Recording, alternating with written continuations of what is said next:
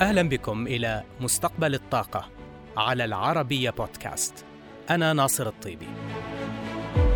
نسعى في هذا البرنامج إلى المساهمة في الحوار الدائر حول عملية التحول في مجال الطاقة عالميا نحو مستقبل خال من الانبعاثات يضمن أمن المناخ وأمن الطاقة.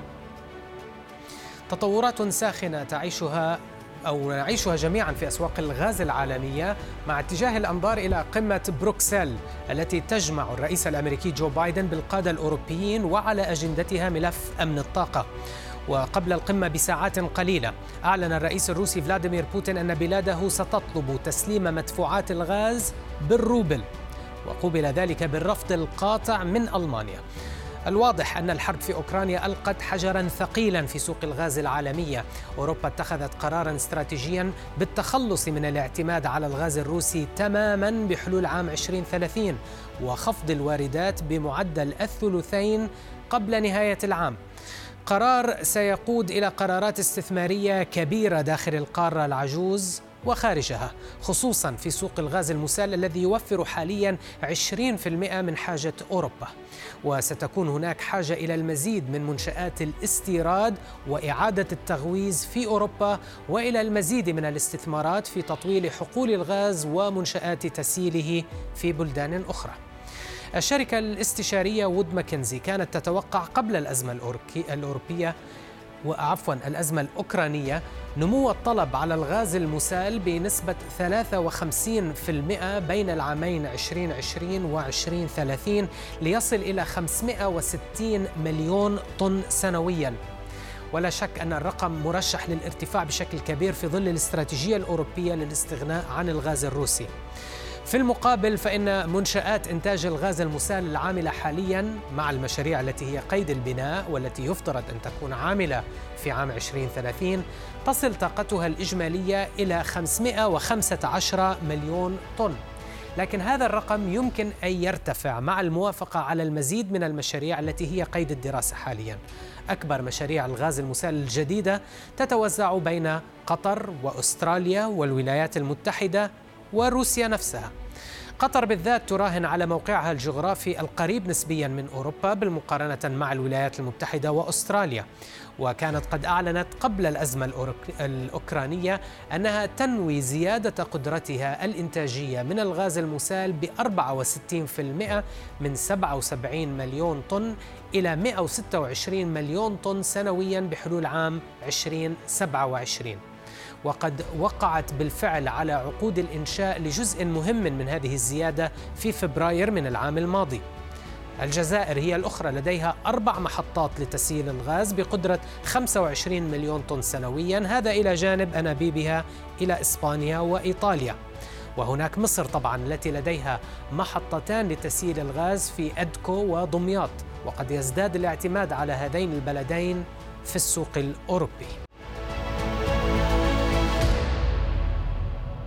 التحول الاستراتيجي في أوروبا للابتعاد عن الغاز الروسي له مفاعيل أساسية بالنسبة للدول التي لديها موارد غاز بديلة وربما تترك آثارا مهمة على القرارات الاستثمارية المفصلية في شأن تطوير الحقول وطاقات تسييل الغاز وبناء خطوط الأنابيب. لتحليل مفاعيل التحول الأوروبي قابلت المهندس وائل عبد المعطي خبير أسواق الغاز في منظمة الأقطار العربية المصدرة للبترول أوابك وسألته بداية عن البدائل الممكنة لتوريد الغاز إلى أوروبا بدلا من الغاز الروسي؟ في الحقيقة هو ده سؤال الساعة اللي هو من يستطيع زيادة صادرات آه، غاز آه، إلى أوروبا للتعويض عن الغاز الروسي. آه، الخيارات المتاحة في الوقت الحالي بالتأكيد هي النرويج باعتبارها ثاني أكبر مورد للغاز في أوروبا. لكن في المدى المنظور النرويج لا تستطيع تحقيق زيادة كبيرة عن المعدل اللي صدرته في عام 2021 اللي بلغ حوالي 113 مليار متر مكعب. قد تستطيع النرويج زيادة هذا الرقم بشكل طفيف إلى 115 أو 116 بزيادة طفيفة في عام 2022 ربما يكون مستقبلا هناك إمكانية لزيادة الصادرات من النرويج لأن الخطوط الأنابيب اللي بتربط النرويج بدول الاتحاد الأوروبي قائمة بالفعل وتستطيع استيعاب ما يزيد عن 120 مليار متر مكعب. بالنظر إلى أذربيجان هي أيضا من أحد الموردين الرئيسيين للاتحاد الأوروبي خاصة بعد تشغيل خط تاب الخط في الوقت الراهن حوالي 8 مليار متر مكعب الكباستي بتاعته دي الكمية اللي تم نقلها أو خلال عام 2021 قد تستطيع أيضا أذربيجان في عام 2022 إضافة 1 إلى 2 مليار متر مكعب. آه، ومستقبلا بالتأكيد ده هيحتاج إلى عملية تطوير آه، في حقول الغاز في أذربيجان. الجزائر بطبيعة الحال أيضا هي ثالث أهم أكبر مورد للغاز آه، إلى أوروبا وهي بالفعل أيضا حققت رقم قياسي في عام 2021 بتصديرها حوالي 35 مليار متر مكعب. قد تستطيع الجزائر أيضا إضافة 2 مليار إلى 3 مليار في عام 2022.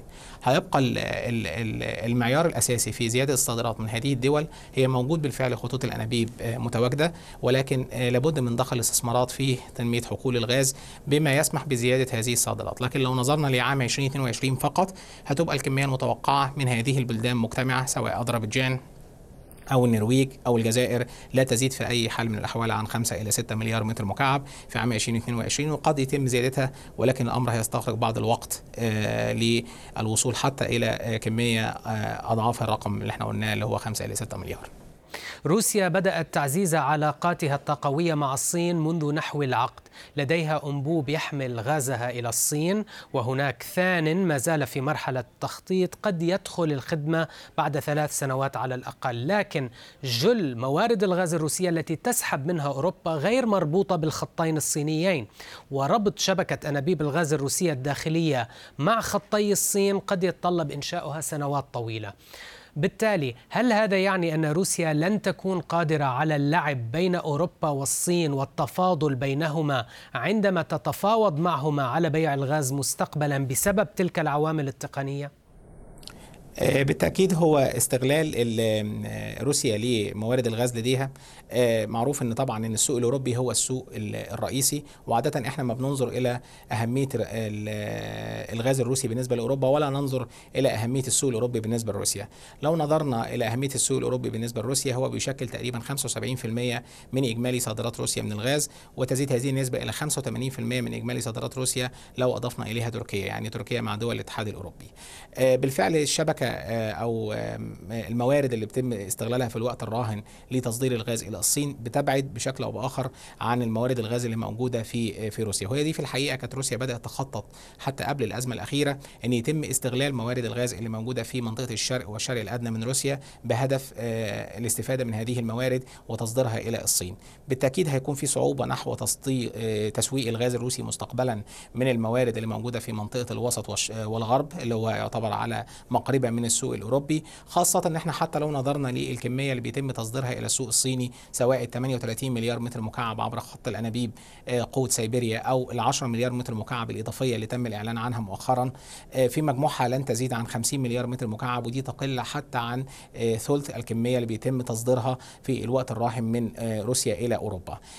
هناك فعلا صعوبة فنية للربط ما بين الشبكات لكن أنا أعتقد إن روسيا هيكون الحل أمام إعادة تسويق غازها اللي بيكون تسويقه للسوق الأوروبي هيكون عن طريق استغلاله في مشاريع آه، الغاز الطبيعي المسال وبالفعل آه، روسيا كان ليها استراتيجية واضحة آه، بتهدف من خلالها إنها تزيد صادراتها من الغاز الطبيعي المسال إلى أكثر من 120 مليون طن بحلول عام 2030 للعلم بس يا روسيا في عام 2021 كان صادراتها تقريبا 30 مليون طن معناها إنها بتطمح إلى مضاعفة هذا الرقم حوالي أربع أمثال المعدل الحالي. وقد يكون ده أحد الآليات اللي بتلجأ ليها روسيا لضمان الحفاظ على مستويات جيدة من الصادرات في حال تخلي السوق الأوروبي أو بعض الدول الأوروبية عن تجديد تعاقداتها القائمة مع روسيا عبر خطوط الأنابيب عن طريق الشبكة القائمة في الوقت الراهن.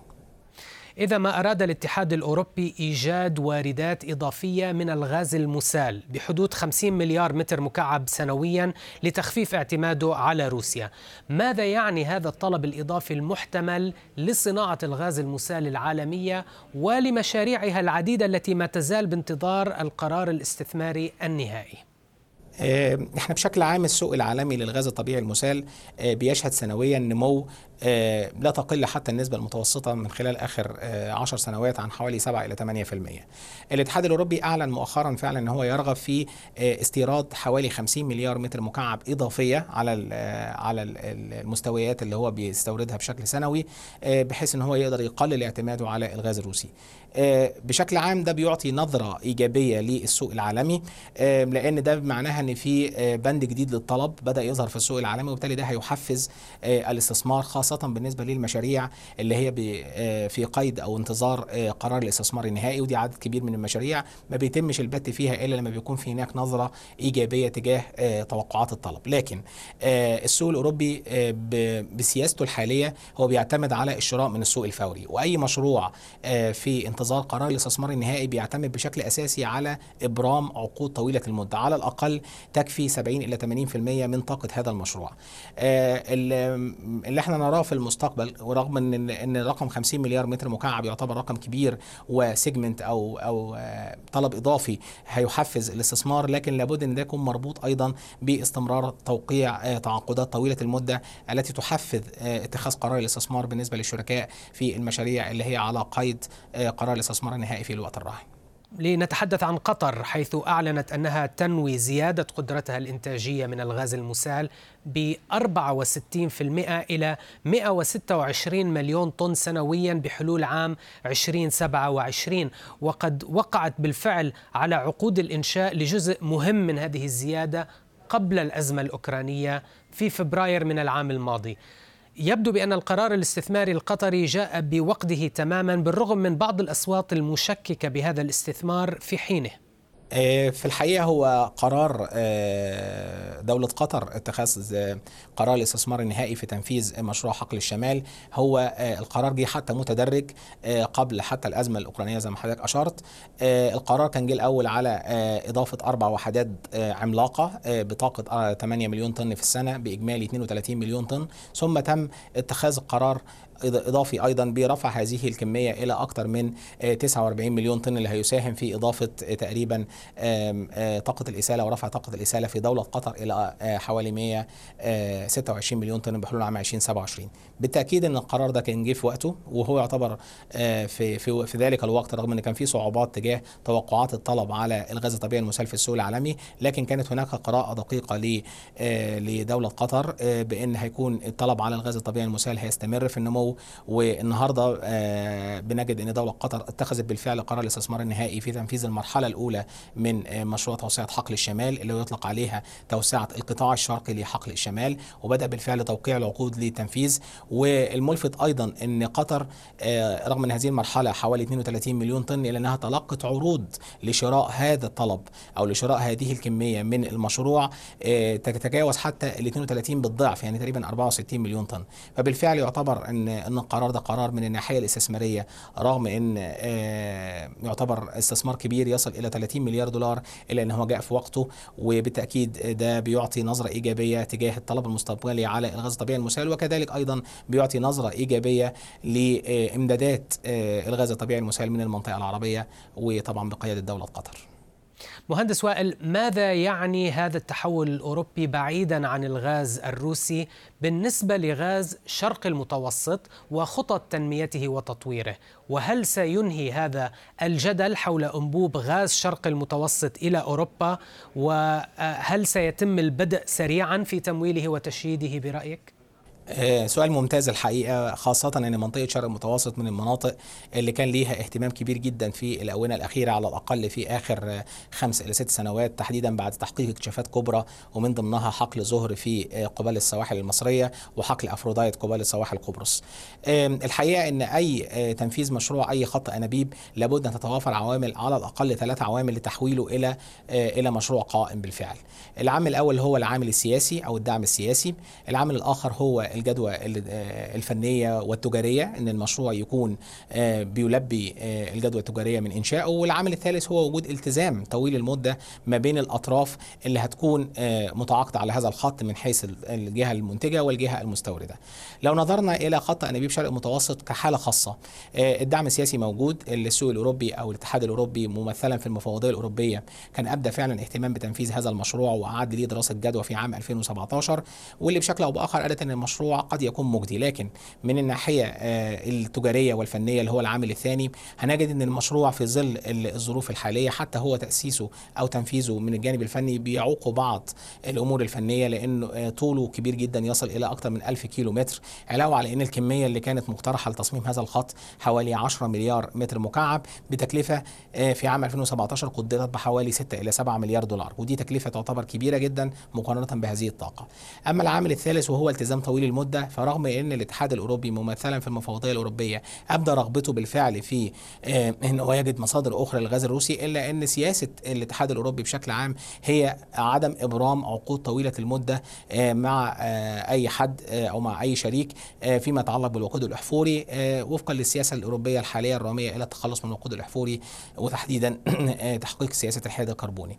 فأجد إن إن العوامل الثلاثة مش مجتمعة لا مش مجتمعة بشكل كافي لتحقيق هذا الخط أو لتنفيذ هذا الخط وتحويله إلى خط قائم بالفعل رغم إن موجود هناك دعم سياسي إلا إن الجدوى الفنية والتجارية منه بالإضافة عدم رغبة الاتحاد الأوروبي بشكل عام في توقيع التزام طويل المدة واللي في حالة خطوط الأنابيب لابد أن لا يقل عن 15 إلى 20 سنة قد يكون هذا الخط صعب. ولكن هناك خيار آه، آخر وهو الخيار المصري واستغلال البنية الأساسية اللي موجودة لدى مصر. مصر لديها محطات اساله قائمة آه، بتشتغل آه، بحوالي 50% من طاقتها لو قارنا رقم الصادرات اللي طالع من هذه المحطات مع الصادرات مع الطاقة التصميمية ويمكن استغلال البنيه الأساسية لمصر وده فعلا بيقع مع توجه الحكومة المصرية إن مصر تلعب دور مهم كمحور لتجميع الغاز في منطقة شرق المتوسط ومن ثم تصديره إلى أوروبا. لننتقل إلى الجزائر حيث تمتلك الجزائر قدرات لإنتاج الغاز عبر أربع محطات تسييل بقدرة 25 مليون طن سنويا. هذا إلى جانب طبعا أنابيبها إلى إسبانيا وإيطاليا. لكنها أوقفت أحد أنابيبها إلى إسبانيا العابر للمغرب مؤخرا. هل تعتقد بأن الجزائر قد تعيد النظر في هذا الإيقاف وتعيد تشغيل هذا الأنبوب لأسباب تجارية بحتة متعلقة بالتطورات الأوروبية الأخيرة وارتفاع أسعار الغاز؟ آه، بالتأكيد طبعا إن دولة الجزائر بتمتلك بنية أساسية متنوعة للتصدير ما بين محطات إسالة كما أشرت آه، حوالي أربع محطات بإجمالي 25 مليون طن وكذلك أيضا خطوط الأنابيب. آه، توقف خط الأنابيب اللي هو كان بيطلع من الجزائر مرورا بالمغرب أو ما يطلق عليه خط الغاز المغاربي الأوروبي هو كان في اتفاقية حول هذا الخط لم يتم تجديد هذه الاتفاقية وبناء عليه توقف تصدير الغاز من الجزائر عبر هذا الخط في الأول من نوفمبر في عام 2021 2020 لو نظرنا إلى الخيارات المتاحة لدى الجزائر آه، في الوقت الراهن أن الجزائر لديها أيضا خط بيؤدي آه، الغرض منه في تصدير الغاز إلى الجانب الأسباني وهو خط الميد جاز اللي بيمر مباشرة عبر البحر المتوسط إلى إسبانيا ودي في الفترة الأخيرة تم رفع كفاءة هذا الخط وطاقته آه، بحوالي 20% لتصل إلى أكثر من 10 10.5 مليار متر مكعب في السنة. أي كمية إضافية هترغب فيها الجزائر في تصديرها ولا ولا يمكن استيعابها عبر هذا الخط؟ يمكن تصدير التصدير إلى الجانب الإسباني عن طريق الغاز الطبيعي المسال. من الجانب المغربي الخط يقع فيه في الوقت الحالي طبعا معروف إن هو داخل الأراضي المغربية، هناك توجه أيضا لدى الحكومة المغربية نحو استغلال الخط ولكن في الاتجاه المعاكس اللي هو يتم استيراد الغاز الطبيعي المسال لحساب المغرب آه، وتغويزه في الموانئ الإسبانية. ومن ثم يتم ضخ هذا الغاز إلى الجانب المغربي، علاوة على إن الجانب المغربي أيضا حقق اكتشافات في الفترة الأخيرة وكان من ضمن هذه الاكتشافات حقل يطلق عليه تندرارا وتم الاتفاق اتفاق مع الشركة المطورة للحقل أن يتم استغلال جزء من البنية الأساسية لخط الغاز المغاربي الأوروبي. فلو وضعنا السياقين مع بعض السياق الجزائري والسياق المغربي هنجد أن قد تكون الظروف في الوقت الحالي غير مؤهلة لإعادة تشغيل هذا الخط لأنه هيتم استغلاله داخل المغرب من ناحية سواء في الاتجاه العكسي أو لتطوير آه، حقل تندرارا ومن الجانب أيضا الجزائري هنجد أن هو لديه أيضا خيارات متعددة من بينها خط الميد جاز المباشر اللي بيقوم بتصدير الكمية اللي ترغب فيها أسبانيا في الوقت الراهن وأي كمية الإضافية لديه خيارات أخرى متعددة سواء عن طريق محطات الإسالة أو حتى استغلال خط الأنابيب اللي بتربط الجزائر اللي بيربط الجزائر بإيطاليا. إن كان الاتحاد الأوروبي يرغب في النظر لمنظومة التصدير إليه كمنظومة آه، شاملة فيمكن زيادة الغاز الجزائري عبر خط آه، الأنابيب آه، ترانسميت اللي هو عبر المتوسط واللي بيكون بتصدير إلى إيطاليا. وفي فائض في هذا الخط فائض من حيث الطاقة التصميمية بمعنى أدق.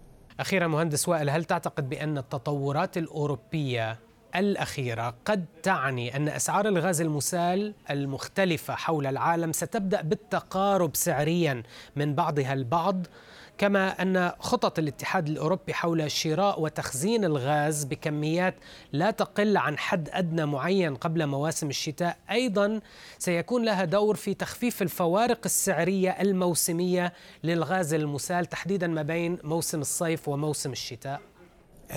في الحقيقة هي دي اللي نقدر نسميها السمة الأساسية المميزة لأسواق الغاز الطبيعي إن في إن هي أسواق الأسعار فيها بتبقى أسعار موسمية في فصل الشتاء بيتم زيادة الطلب بترتفع الأسعار في فصل الصيف بيقل الطلب فبتنخفض الأسعار. تاريخيا آه، السوق الآسيوي هو دايما بيكون السعر فيه آه، أعلى مقارنة بأي سوق في العالم. لو قارناه بالسوق الأوروبي أو حتى بالسوق الأمريكي بمؤشر هنري هاب هنجد إن إن دايما السوق الآسيوي أسعاره مرتفعة. وده لأن الطلب على الغاز حتى بطبيعة الحال في أوروبا بيقل في فصل الصيف ممكن يكون بيزيد آه، في منطقة آه، في منطقة آسيا.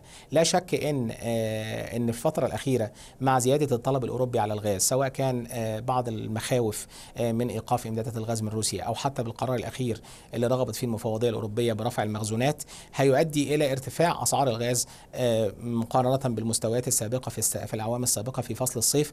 وهو بالفعل إحنا بدأنا نلاحظ إن الأسعار الغاز بدأ يكون في الفوارق ما بينها وما بين السوق الأوروبي والسوق الآسيوي بدأت تتراجع بشكل كبير. كانت بتصل في بعض الأحيان إلى أكثر من 5 إلى 6 دولار. مؤخرا بدأت تتلاشى حتى إن السوق الأوروبي في بعض الأوقات في الفترة الأخيرة بدأت أسعاره تكون أعلى من أسعار الغاز الطبيعي المسال المصدر إلى آسيا. فاجمالا هنجد ان إن في ديناميكية موجودة في السوق. بالتأكيد كلنا بنراقب السوق وبنجد إن إن السوق الأوروبي بدأت أسعاره ترتفع بشكل كبير وتتخطى الجانب آه، الآسيوي في الأسعار الأسعار فده مرجح إن على الفترة القادمة تحديدا في فصل الصيف فعلا تتلاشى هذه الفوارق لكن يظل وضع السوق قائم لأن هتفضل السلعه سلعة الغاز في الوقت الحالي هي سلعة إقليمية آه، آه، ولا بد إن السوق الأوروبي أيضا يجد إن هو يقدم أسعار في السوق الفوري أعلى عشان يجذب الشحنات الخاصة بالغاز الطبيعي المسال من إنها تروح لآسيا إنها تروح لأوروبا وبالتالي تحقيق ربح للشركات التجارة اللي هي مختصة في هذا الأمر بتصدير شحنات الغاز الطبيعي المسال سواء إلى أوروبا أو إلى آسيا.